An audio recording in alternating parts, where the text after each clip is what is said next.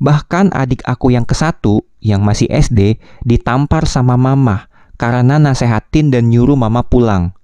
Aku kaget dan takut banget karena emang dari dulu mama suka main tangan. Bahkan mama nggak segan-segan bawa selingkuhannya ke rumah. Aku bolak-balik kamar, ruang tamu karena takut mereka aneh-aneh. Dan itu nggak sekali dua kali. Pingin banget aku kasih tahu ke papa, tapi takut kalau mereka pisah gimana. Aku sama adik aku gimana.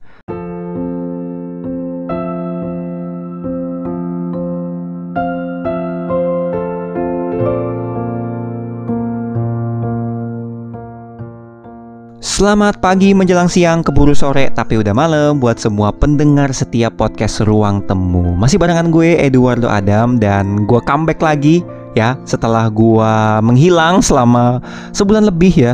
Sejak terakhir kali gue ngupload podcast gue itu kalau nggak salah di tanggal 20 April ya kan. Berarti sekarang gue ngerekam ini di tanggal 26 Mei. Wow, sebulan lebih gue pergi dari podcast gue dan gue kembali lagi dan gue kangen banget ngomong sama kalian oke okay?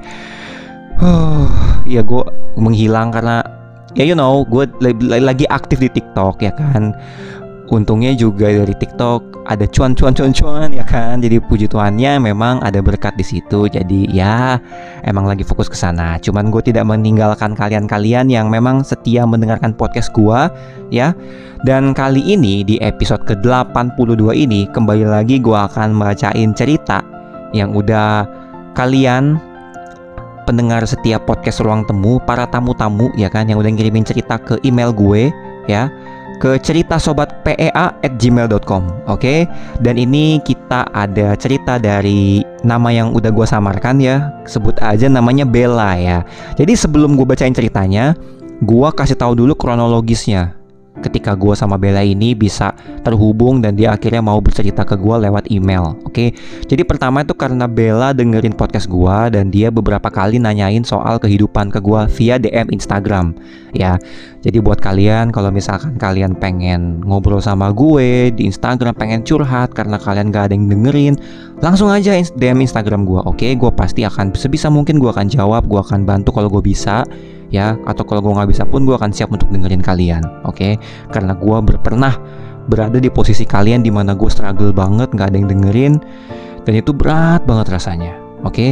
jadi langsung aja tadi jadi ketika kita ngobrol-ngobrol-ngobrol akhirnya Bella ini cerita tentang banyak hal tentang kehidupan percintaan dia kehidupan keluarga dia yang carut marut kacau tentang karir dia, cita-cita dia, dan itu semuanya saling berhubungan sehingga bikin dia jadi kayak depresi, down, pokoknya kacau deh.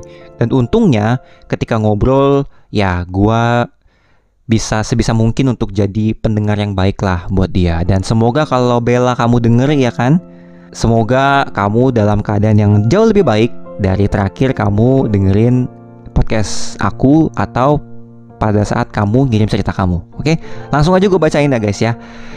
Emailnya kayak gini. Maaf ya kak, mungkin ini sudah terlalu lama buat cerita. Aku punya beberapa masalah mental seperti anxiety, trauma, dan bahkan gak segan buat nyelakain diri sendiri. Aku tipe orang yang sulit buat nolak dan selalu mikir kalau kita buat baik orang lain akan berbuat baik juga. Nyatanya aku nggak bisa maksain itu ke orang lain. Dan sekarang aku mikir itu mindset yang salah.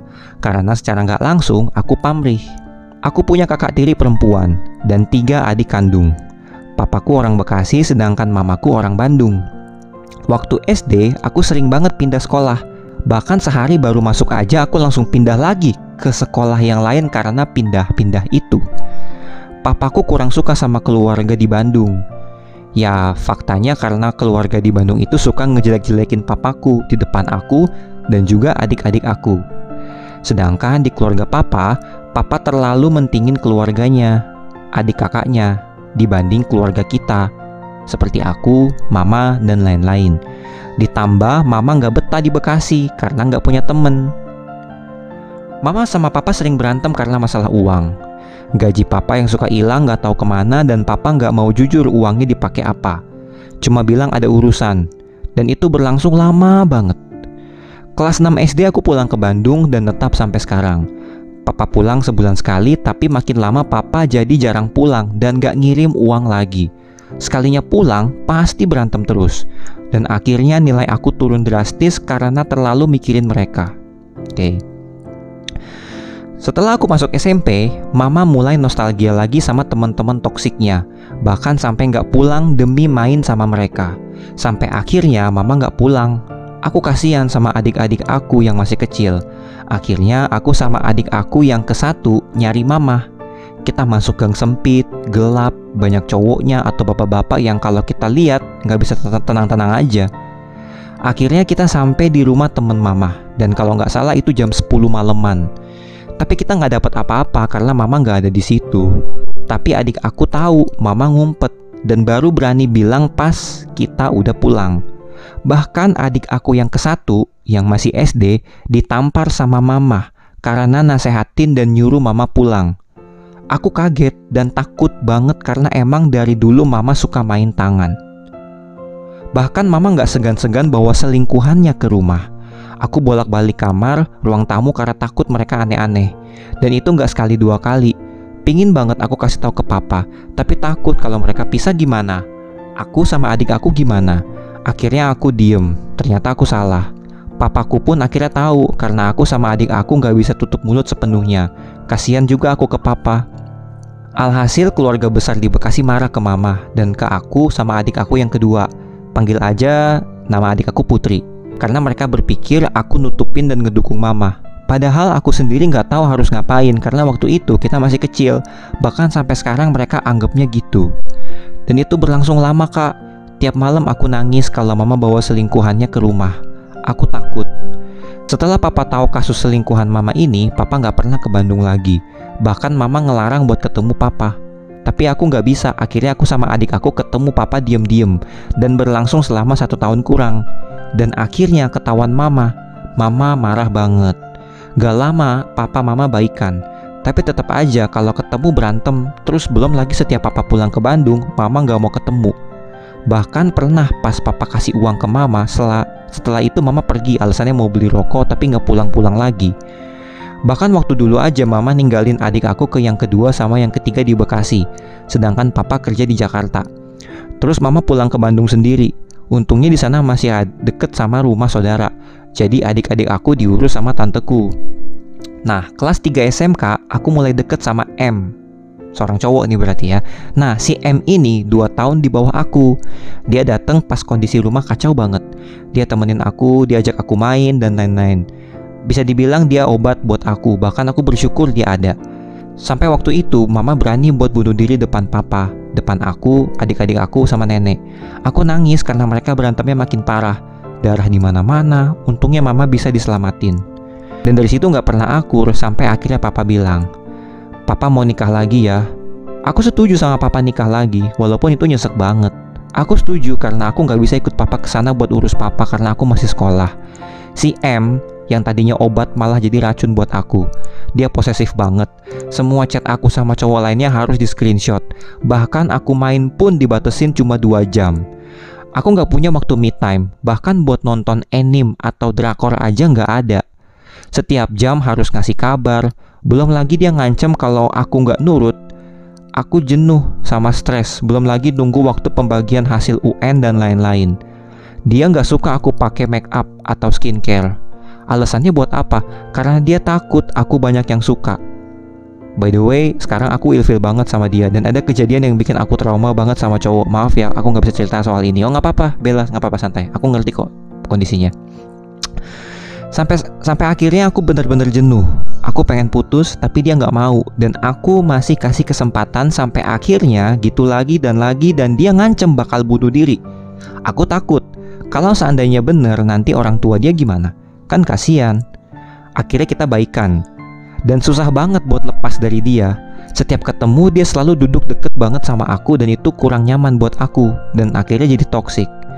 Alhamdulillah aku ketemu partner kerja yang baik dan mau bantuin aku. Dia cowok. Aku putus dari si M tapi nggak gampang kak. Waktu itu tiba-tiba dia ada depan rumah.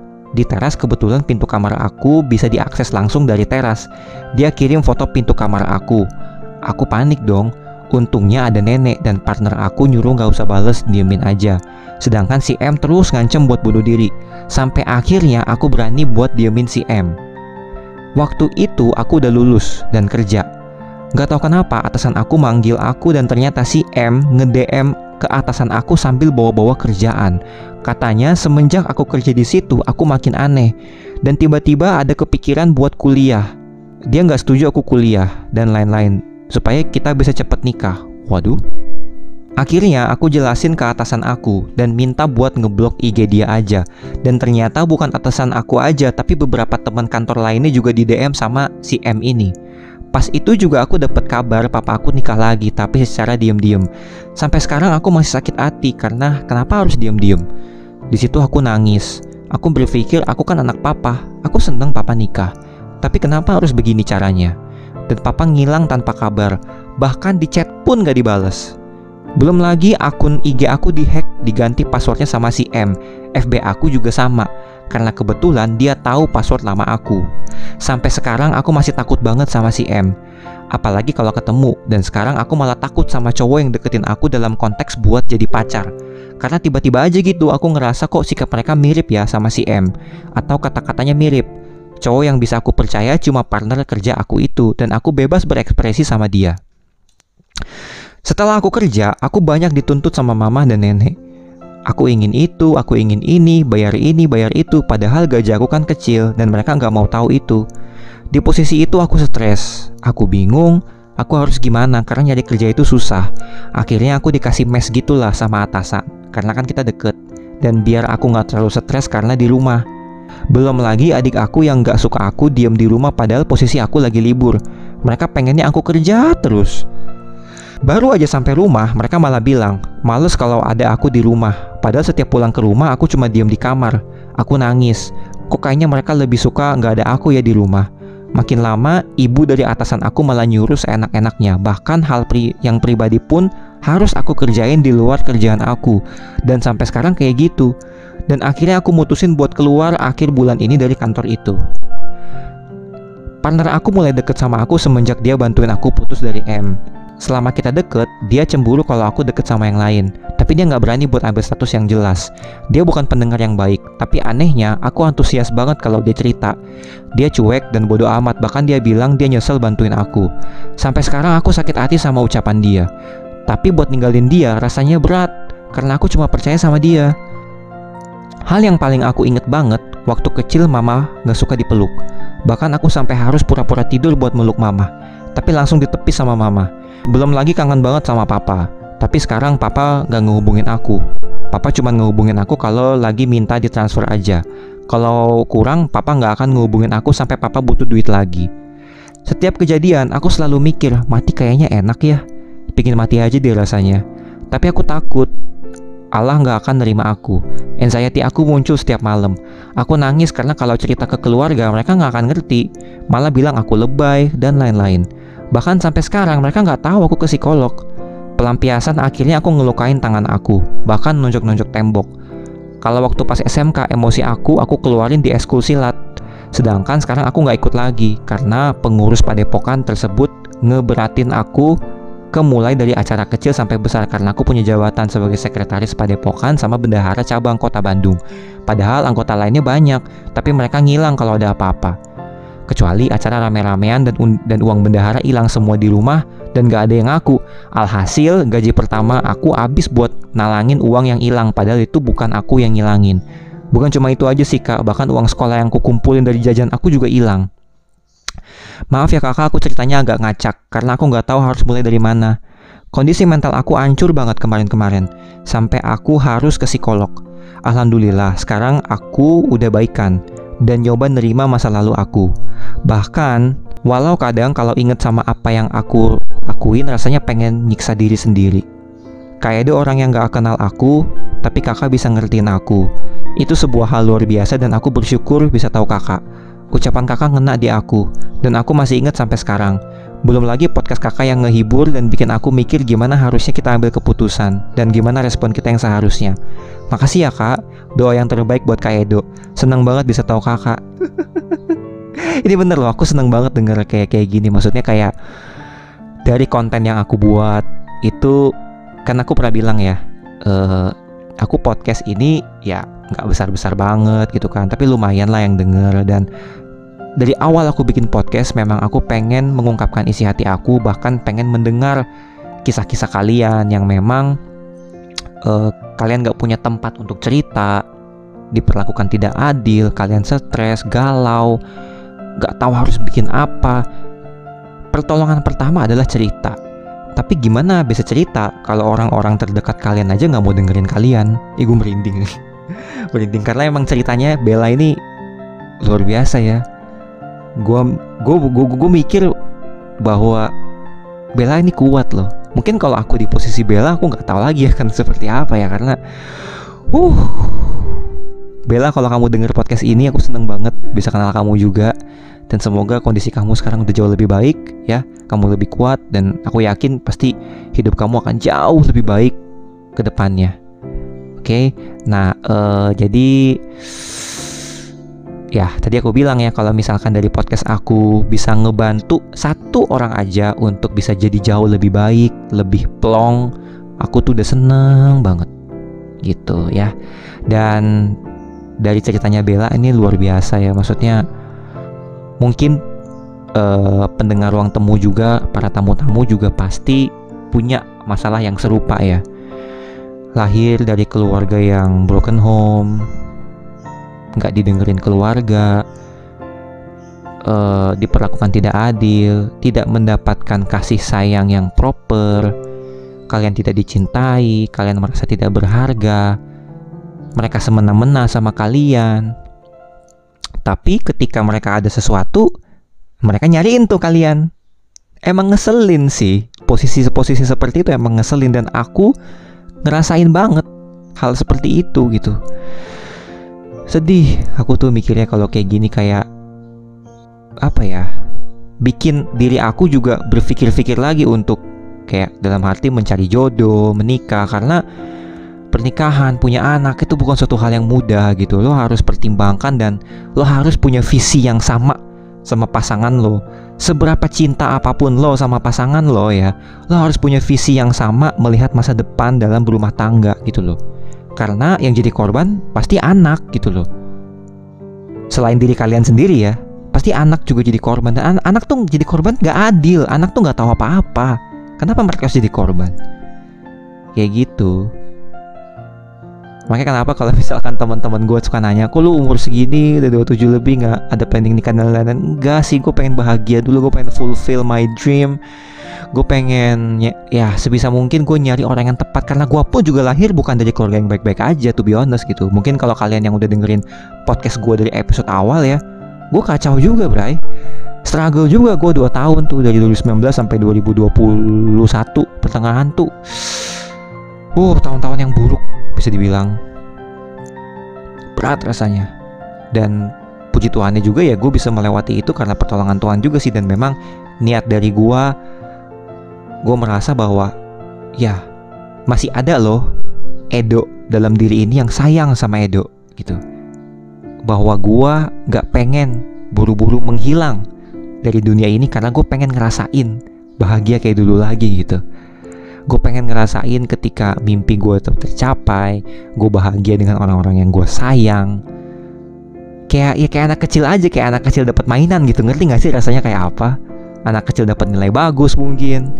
Gue pengen ngerasain hal happy kayak gitu lagi karena gue ngerasa kayak masa hidup gue dirancang sama Tuhan buat begini sih endingnya gitu. Itu yang bikin akhirnya gue uh, happy sampai sekarang. Dan buat Bella mungkin buat teman-teman juga yang punya kisah yang sama kayak Bella mungkin bisa langsung cerita ya. Di DM Instagram boleh ke @edo_mcallister atau ke DM eh, DM atau ke email juga boleh ya ke cerita sobat gmail.com Ya Berat ya. Gue gak mau nanggepin banyak sih dari ceritanya Bella Karena gue yakin kalian yang denger pun juga pasti udah tau lah Betapa memang Bella ini beruntung ya Buat Bella dan teman-teman yang memang lagi ada di posisi yang sama Percayalah sama gue Kalian mengalami hal seperti ini Itu pasti di depan akan ada sesuatu yang besar Yang menyenangkan yang menanti kalian asal kalian bisa ngelewatin ini semua. Emang berat, emang berat, bener deh percaya deh sama gue. Emang berat, pasti berat gitu. Tapi please, gue mohon, gue mohon dengan sangat. Gue gak kenal kalian, tapi gue please banget. Jangan kalian uh, melakukan tindakan dalam tanda petik pelarian kalian dengan hal-hal yang merugikan kalian sendiri gitu. Kayak menyakiti diri kalian please please gue gak kenal kalian tapi please jangan ya. Please karena hidup kalian itu jauh lebih indah dari itu. Karena kalau kalian ngelakuin itu itu hanya sementara. Kalian kayak cuman dibawa kabur sesaat doang aja. Tapi setelah efek kayak efek fly-nya efek hangover-nya hilang kalian akan sedih lagi gitu. Karena gue punya prinsip ya sesuatu yang instant itu pasti nggak akan apa endingnya nggak enak gitu itu hanya akan bikin kalian kondisi tambah parah. Tapi kalau misalkan kalian melakukan hobi kalian lebih fokus terhadap pemulihan diri kalian ke psikolog ya cerita sama temen yang positif yang mengerti kalian melakukan hobi-hobi kalian mencintai diri kalian menerima bahwa memang Emang gak gampang sih, emang gak gampang. Aku akui, gue akui emang gak gampang. Tapi percayalah, percayalah, kalau kalian ngelakuin semua hal yang positif-positif itu, kalian akan jauh, jauh, jauh lebih baik. Karena gue punya temen gitu, yang dia stres, kacau, dan mereka akhirnya terjun ke dunia-dunia yang gelap itu. Dan ketika endingnya, mereka nyesel gitu loh. Mereka nyesel, mereka cerita sendiri ke gue gitu kayak, harusnya gue dengerin lu dari dulu ya dok. Terus, terus gue bilang, Enggak, gue gak pernah nasehatin lo apa-apa. Gue cuma bilang, emang lo gak capek hidup kayak gini terus? Terus dia bilang, nggak tau lah bro, pusing gue gitu kan. Ya udah, karena gue seperti tipe orang yang gue nggak mau merubah lo gitu. Gue nggak pengen gara-gara gue lo berubah cuman gara-gara gue. Gue nggak mau gitu. Gue pengen lo berubah dari hati lo gitu. Bahwa memang ini jalan yang salah. Gak kayak gini caranya gue mencari kebahagiaan. Gak dengan alkohol, gak dengan uh, rokok, nggak dengan drugs, party dan lain sebagainya gitu. Gue nggak ada masalah ya dengan kalian-kalian yang memilih untuk itu nggak masalah, itu pilihan kalian. Tapi gue ngomong ini ke kalian-kalian yang bingung, galau, pengen cabut tapi nggak bisa. Gue ngomong-ngomong ke kalian-kalian, oke? Okay? Bahwa diri kalian tuh berharga. Jangan sengaja kalian rusak cuman karena kalian sedih sesaat gitu loh. Karena nanti nyesel. Waktu itu nggak bisa dibalikin lagi. Ya. Itu aja sih untuk Aduh, episode ini kok merinding ya. Gue buset dah. Gila, gila, gila, gila.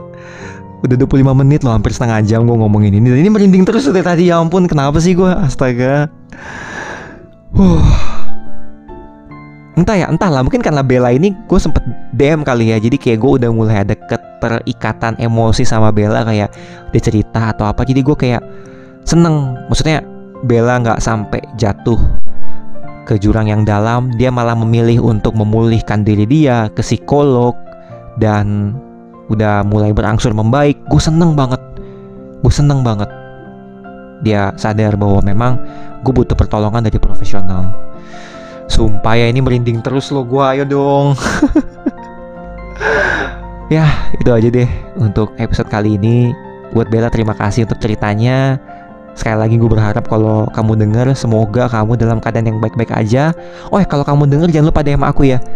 Seenggaknya cerita sedikit aja lah keadaan kamu gimana. Semoga baik-baik aja. Dan buat teman-teman pendengar ruang temu boleh cerita ke gue langsung aja DM ya ke @edo underscore mekalister atau ke email gue ke cerita sobat at gmail.com nama gue samarin aman ya kan dan ya gue berharap kalian bisa plong setelah denger podcast ini ataupun setelah cerita sama gue. Oke, itu aja untuk episode kali ini. Thank you so much for listening my podcast. Ingat ya, kita hidup cuma sekali. Berikan yang terbaik. Jangan semena-mena, jangan tergesa-gesa, jangan gegabah karena kita nggak bisa ngulang waktu. Kita cuma bisa nyesel. Dan itu penyesalan kedua ketika kita nyesel. Kenapa dulu gue nggak ngelakuin hal yang bener kayak gitu oke okay? itu aja deh untuk episode kali ini gue Eduardo Adam signing off remember we only live once so spread the love and stay positive bye guys